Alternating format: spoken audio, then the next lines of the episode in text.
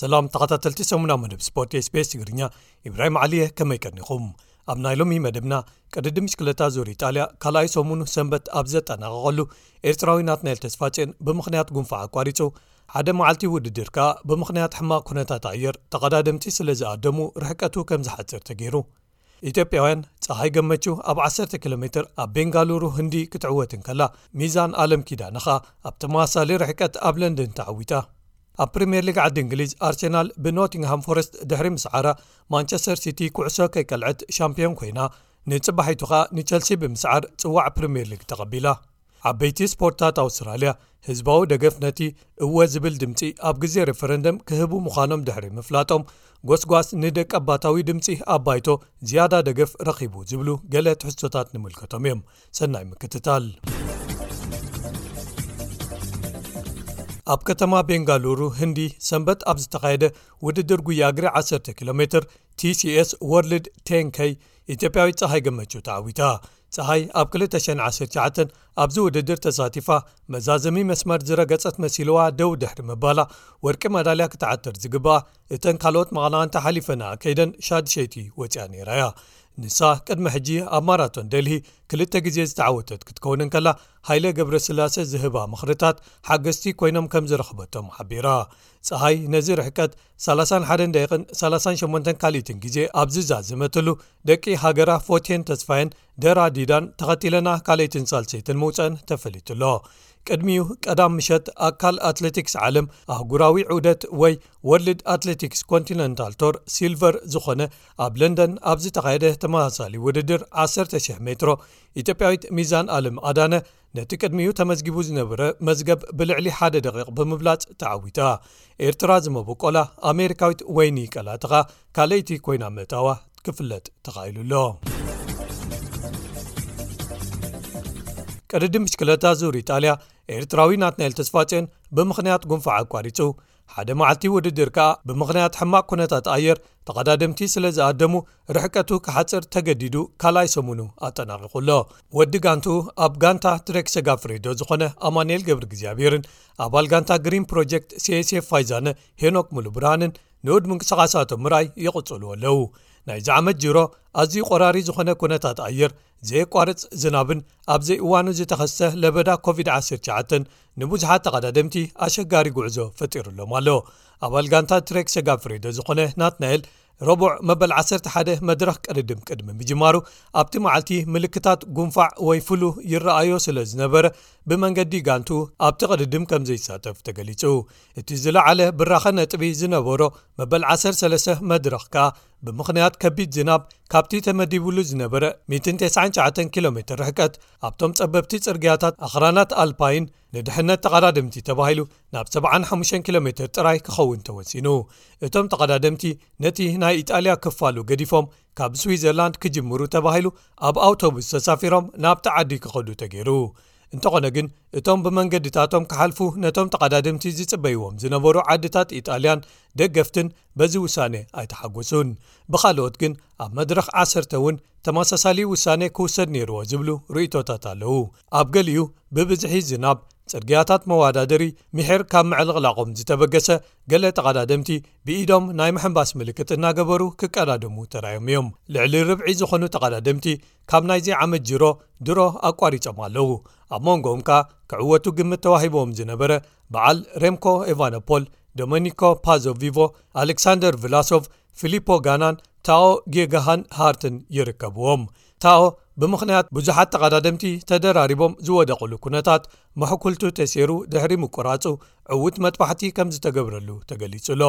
ድሕሪ እውን እቲ ኣብ መድረኽ ሽዱሽተ ተዓዋቲ ዝነበረ ወዲ ጋንታኦም ንበዓል ናትናኤልን ኣማኑኤልን ዴንማርካዊ ማድስ ፒደርሰን ብምኽንያት ሕማም ኣቋሪጹ እዩ። እዚ ጂሮ እቲ ዝበለጸ ተጻዋርነት ዘርኣየን ካብዞም ኣብ ላዕሊ ዝተጠቕሱ ሓደጋታት ብዕድል ዘምለጠን ዝዕወቱሉ እዩ ተባሂሉ ብብዙሓት ይግለጽ። በዚ ምኽንያት ከኣ ካብቶም ኣብ ብዙሓት ዝተፈላለዩ መድረኻት ሞሊቖም ዝኸዱ ጉጅለታት ዝወጹ ተቐዳደምቲ ብዓብላሊ ዝዕወቱሉ ኮይኑ ኣሎ። ኣብዞም ዝመልቁ ጉጅለታት ኣማንኤል ኣብ ቀዳማይ ሰሙን ዘርኣዮም ምንቅስቓሳት ክቕጽሎም እንከሎ ሄኖክ ከኣ ከምኡ ክገብር ድልት ከም ዘለዎ ድሕሪ ምግላጹ ኣብ ባይታ የመስክር ኣሎ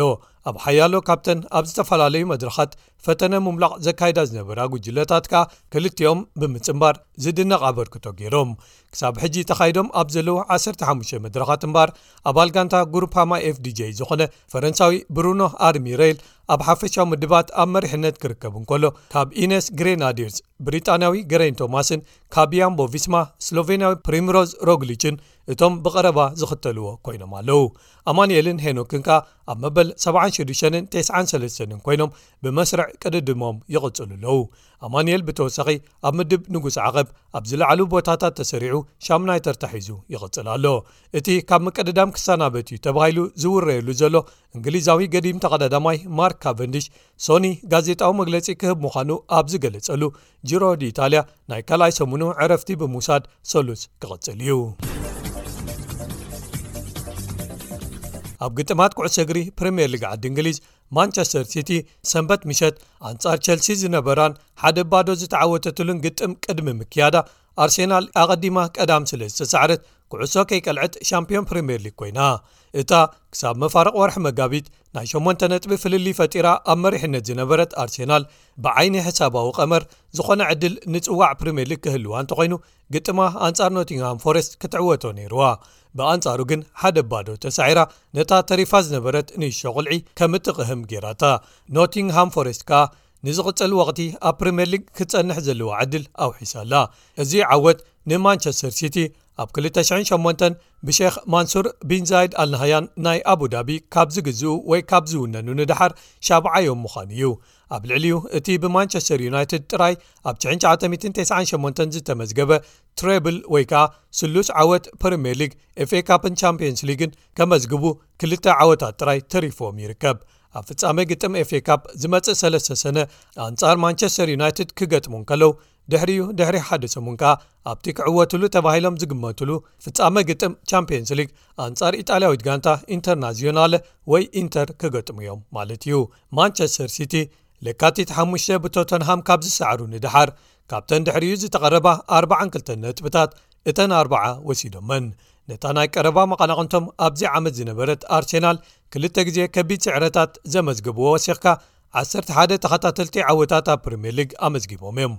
ብዙሓት እቲ በብዓመቱ እናሰፍሐ ዝኸይድ ዘሎ ዝመስል ጋግ ኣብ መንጎ ማንቸስተር ሲቲን ካልኦት ጋንታታት ፕሪምየር ሊግን ስክፍታ ይፈጥረሎም ኣሎ ካልኦት ከኣ እተን ካልኦት ጋንታታት ብፍላይ እተን ሃብታማት ዝበሃላ ከም በዓል ማንቸስተር ዩናይትድ ቸልሲን ካልኦትን ኣብቲ ኣተሓሕዛ ተጻወትን ካልእን ሽግራት ስለ ዘጋጠመን ብቕዓተን ስለ ዝነከየ'ዩ ዝብሉ ኣይተሳእኑን ኣብ ታሪኽ ፕሪምየር ሊግ ዓዲ እንግሊዝ ሃደርስፊልታውን ኣርሴናል ሊቨርፑልን ማንቸስተር ዩናይትድን ጥራይ ዘመዝገብዎ ሰለስተ ተኸታተልቲ ጽዋዓት ፕሪምየር ሊግ ማንቸስተር ሲቲ ሕጂ ብምፍጻም ኣብ ፍሉይ መዝገብ ኣትያ ኣላ እዚ ኮይኑ ከብቅዕ ግን ሲቲ ዓብላልነታ ኣብ ዘመስከረትሉን ዘድመቐትሉን እዋን ገና ኣብ ልዕሊ'ቲ ሰማያዊ ዝሕብሩ ኣድማሳታ ዘሰክፍ ድነ የንጸላሉ ኣሎ። እታ ጋንታ ብፋይናንሳዊ ምቁጽጻራት ፕሪምየር ሊግ ካብ 2009-2018 ኣብ ዘሎ እዋን ልዕሊ ሓደ ሚእቲ ዝኾኑ ጥሕሰታት ፈጺማ ተባሂላ ተኸሲሳ መርመራታት ይካየደላ ኣሎ። በደላ እንተ ተረጋጊጹ ከኣ ከቢድ መቕጻዕቲ ክብየነላ ይኽእል እዩ፣ እዚ ከኣ ነጥብታት ምምንጣል ወይ ፕሪምየር ሊግ ባዕሉ ክትምንጠል ትኽእል እያ ዝብሉ ብዙሓት ኣለዉ። እታ ጋንታ ግን ነቲ መርመራ ብሓጎስ ተቐቢለዮን መርገጺየይ ዘራጉዱ ጭብጥታት ኣለዉኒ ክትብል ትከራኽር። ንሕጂ ግን ኣርሴናል ካልኣይ ብምውጽኦም ክዓግቡን ድሕሪ ሓሙሽተ ዓመታት ንፈለማ ግዜ ናብ ግጥማት ቻምፕዮንስ ሊግ ምምላሶም ጥራይ ክሕጎስሉን ክህልዎም እዩ። ኣሰልጣኒ ሚኬል ኣርቴታ ከኣ ኣብ ትሕቲ ዘይተኣደነ ጸቕጢ ካብ ማንቸስተር ሲቲ ንምንታይ ጋንትኡ ን248 መዓልታት ኣብ መሪሕነት ድሕሪ ምጽናሕ ብሓንሳብ ተረኽሙሻን ኢዳ ሂባን ንነዊሕ ክሓስበሉን ከሰላስሎን ዘለዎ ክኸውን እዩ ስዕረት ኣብ ኢድ ኖቲንግሃም ፎረስት ማለት ኣርሴናል ካብዞም ወሰንቲ ዝነበሩ ዝሓለፉ 8 ግጥማት ክልተ ግዜ ጥራይ ክትዕወት ክኢላ ማለት እዩ ብኻልእ ወገን ሊድስ ዩናይትድ ብዌስትሃም ሰለስተ ብሓደ ድሕሪ ምስዓሮም ኣብ ኣፈፈት ምምላስ ንታሕተዋይ ደረጃ ወይ ቻምፕዮንሺፕ በጺሖም ኣለዉ ሓደ ዙርያ ግጥማት ጥራይ ተሪፎም ኣብ ዘለውሉ እዋን እታ ካብዚ ዕጫ እንተደሓነት ኢላ ነቲ ክኢላ ምድሓን ጋንታታት ካብ ምምላስ ንታሕቲ ተባሂሉ ብገለ ዝግለጽ እንግሊዛዊ ኣሰልጣኒ ሳም ኣላርዳይስ ቅድሚ ሒደት ሰሙናት ዝሰየመት ሊድስ ሕጂ ኣብ መበል 18 ተሰሪዓ 31 ነጥብታት ጥራይ ኣዋህሊላ ኣላ ዝኾነ ዕድል ኣብ ፕሪምየር ሊግ ናይ ምጽናሕ ክህልዋ እንተኾይኑ ከኣ ሰንበት ኣብ መዕጸዊ ግጥማት ፕሪምየር ሊግ ንቶተንሃም ክትስዕራ ክህልዋ እዩ ማለት እዩ። እታ ኣብ መበል ዓሰርተ ሸውዓተ ተርታ ተሰሪዓ ዘላ ኤቨርተን ከኣ ምስ ዎልቭስ ማዕረ ድሕሪ ምውጽኣ ሰላሳን ሰለስተን ነጥቢ ኣዋህሊላ ኣብ ፕሪምየር ሊግ ናይ ምጽናሕ ዕድላ ቁሩብ ኣለምሊማቶ ኣላ። ለስተር ሲቲ ኣብ መበል ዓሰርተ ትሽዓተ ተርታ ትርከብ ዘላ ኮይና ዕድላ ከተለምልም ኣንጻር ኣሌክሳንደር ኢሳቕ ዝኣጥቃዒኣ ኒውካስትል ዩናይትድ ሎሚ ሶኑይ ምሸት ተካይዶ ግጥም ምዕዋት ከድልያ እዩ ማለት እዩ ኣብ መወዳእታ ኸኣ ክቡራት ሰማዕትና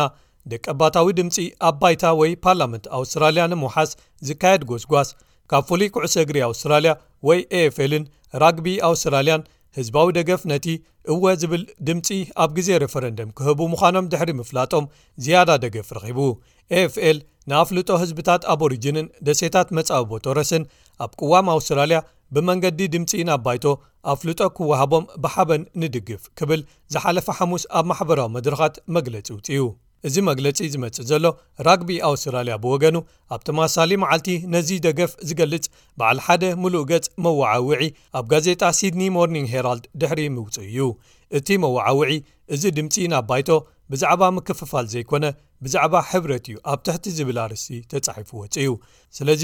ኣዮኖት ዓይነታት ስፖርት እዮም ነዚ ድምፂ ደጊፎምዎ ዘለዉ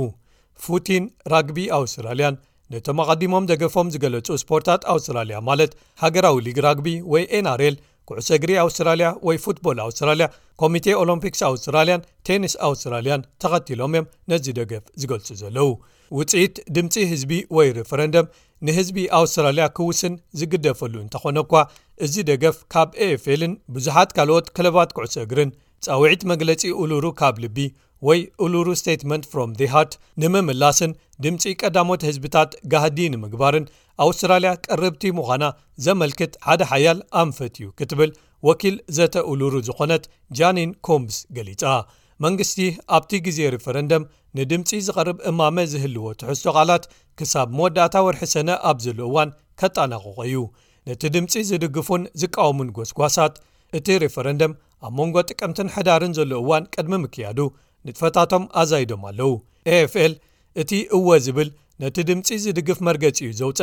ድሕሪ ብዙሕ ዘተታትን ምምኽኻራትን ምስ ጋንታታት ኣባላት ተጻወትን ምስ ናይ ባዕሉ ኣማኻሪ ባይቶ ኣብ ጉዳያት ኣቦሪጅናልን ደሴታት መጻብቦ ቶረስን እዩ ደቀባት ኣውስትራልያ ኣብቲ ስፖርት ኣብ ሜዳ ዝገበርዎ ዘይተኣደነ ኣበርክቶ ድሕሪ ምድናቕ ከኣ ካብቲ ስፖርት ወፃኢ እውን ስለዚ ኣበርክቶም ኣብ ማሕበረሰብ ብማዕረ ክብሪ ይህቦ ምዃኑ ኣረጋጊጹ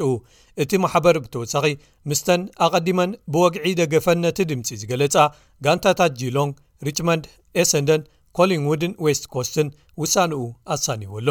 ራግቢ ኣውስትራልያ ኸኣ ቅዋም ኣውስትራልያ ንደቀባት ህዝብታት ክሳብ ሕጂ ኣፍልጦ ዘይምሃቡ ተረድዩ እቲ ድምፂ ክሳብ ሕጂ ክጸንሕ ወይ ክዱንጊ ኣይነበሮን ክብል ደገፉ ንጹር ከም ዝገበሮ ተፈሊጡ ኣሎ ክቡራት ሰማዕትና ናይ ሎሚ ትሕዝቶታት ሰሙናዊ መደብ ስፖርት ስbs ትግርኛ እዞም ዝሰማዕኩሞም ነይሮም ሶኒ ኣብ ተመሳሳሊ እዋን ክሳብ ንራኽ እምባር ሰላም